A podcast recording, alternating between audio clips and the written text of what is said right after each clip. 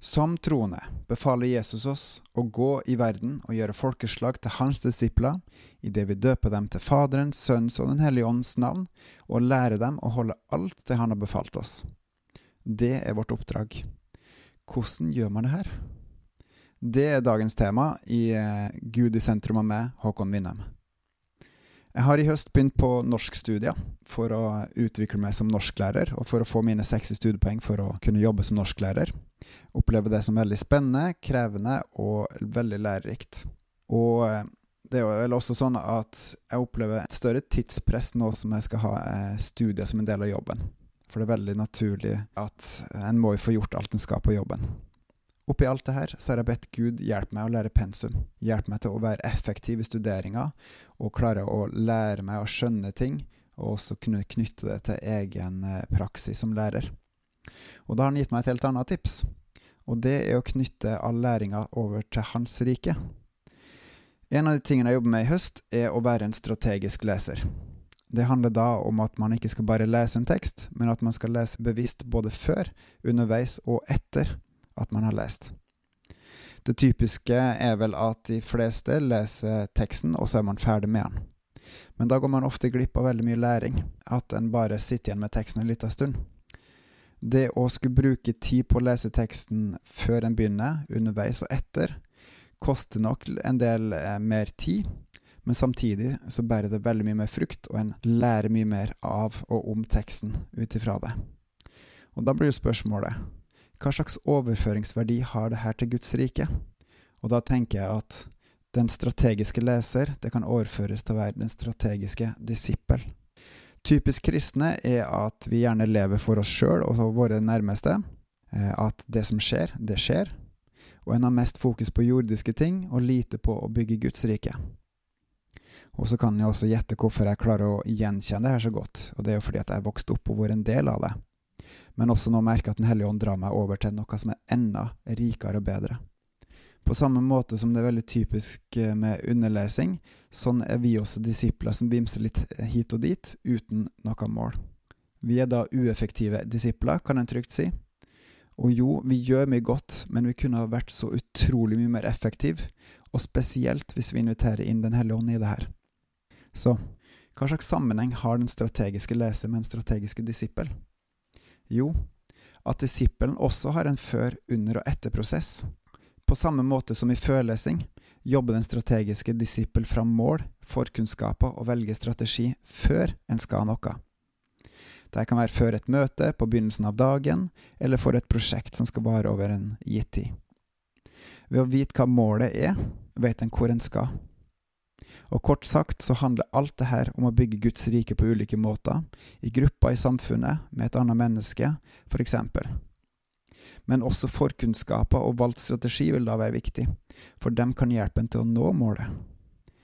Når en da er i situasjoner, i møte med mennesker gjennom dagen, når en jobber mot målet, da er det viktig å leve målet, og bevisst jobbe strategien, og også sjekke om en er på riktig vei.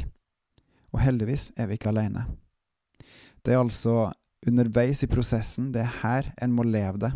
Det er her en kan bygge Guds rike med andre mennesker.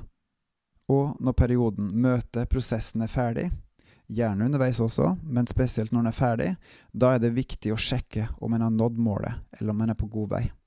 Hvis man ikke oppnår noe, må man prøve å analysere hvorfor, og eventuelt gjøre endringer.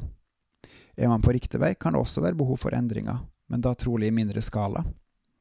Og legg også merke til at sjøl om man ikke når målet med det første, så kan det likevel være riktig vei. Uansett, sjekk, evaluer hvordan det går i forhold til målet. Bygge en Guds rike, bærer det frukt. Videre kan en ha lært, oppdaga, funnet ut noe underveis, noe som er viktig å ta med seg videre. Det kan være av ulik valør, og kan være om en sjøl, om eh, noe om andre, sosialt samspill, eller om noe annet her i verden. Dersom en ikke bearbeider her i etterkant, vil det trolig være tapt for ettertida, og da vil det ikke være en del av forkunnskapene i en annen situasjon. Så dette er rett og slett en superviktig prosess for å kunne ta lærdom av det som har vært, og også vite hva en skal gjøre seinere. Mange ganger lønner det seg også å produsere noe av det hele. For mange er det sikkert naturlig å skrive ned stikkord, lage tankekart, ta notater eller skrive referat dagbok. For andre kan det være å tegne, eller også samtale med andre om det. Bruk det som passer for deg, sånn at du sørger for at det sitter enda bedre.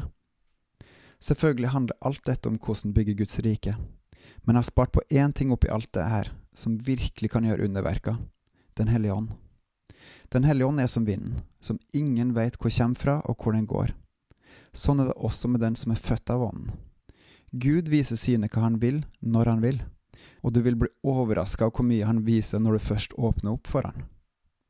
Slipp Den hellige ånd til, inviter han inn, inn i forarbeidet, hold kontakten underveis i jobbinga, og ta han med, snakk også med han i etterarbeidet.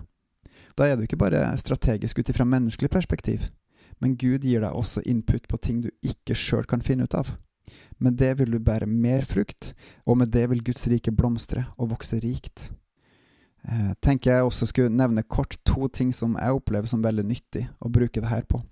Og Det ene er at jeg tidligere i oktober ba Gud, jeg spurte Gud om hvordan kan jeg bygge ditt rike i dag? Og da fikk jeg inntrykk av at jeg skulle snakke om håpet når jeg snakker med folk.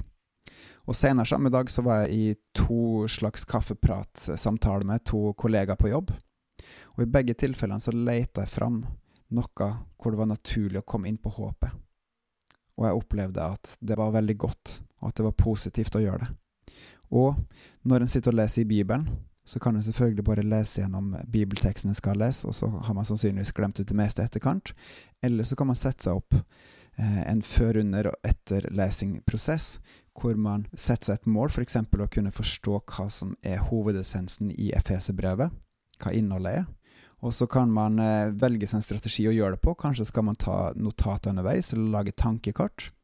Og sitter man og jobber med det, og så tenker man gjennom hva man har lest, og snakker også og spør Den hellige ånd om hjelp til å forstå hva som står her, og hva betyr nå dette. Og når man er ferdig også, så setter man ned og repeterer det som står der, og prøver å forstå hva er det Gud prøver å presentere gjennom denne boka? Dagens utfordring er hvordan bli en strategisk disippel? Velg deg gjerne ut én til to områder hvor du kan trene deg opp, f.eks. boklesing i Bibelen. Begynn med de korteste bøkene i Nyttestamentet, og finne ut hva er innholdet i disse. Og f.eks. om morgenen hver dag så kan du spørre Gud hvordan Gud kan jeg bygge ditt rike i dag? Og husk, alt det her er til Guds ære, fordi Gud er god, og han er sentrum. På gjensyn.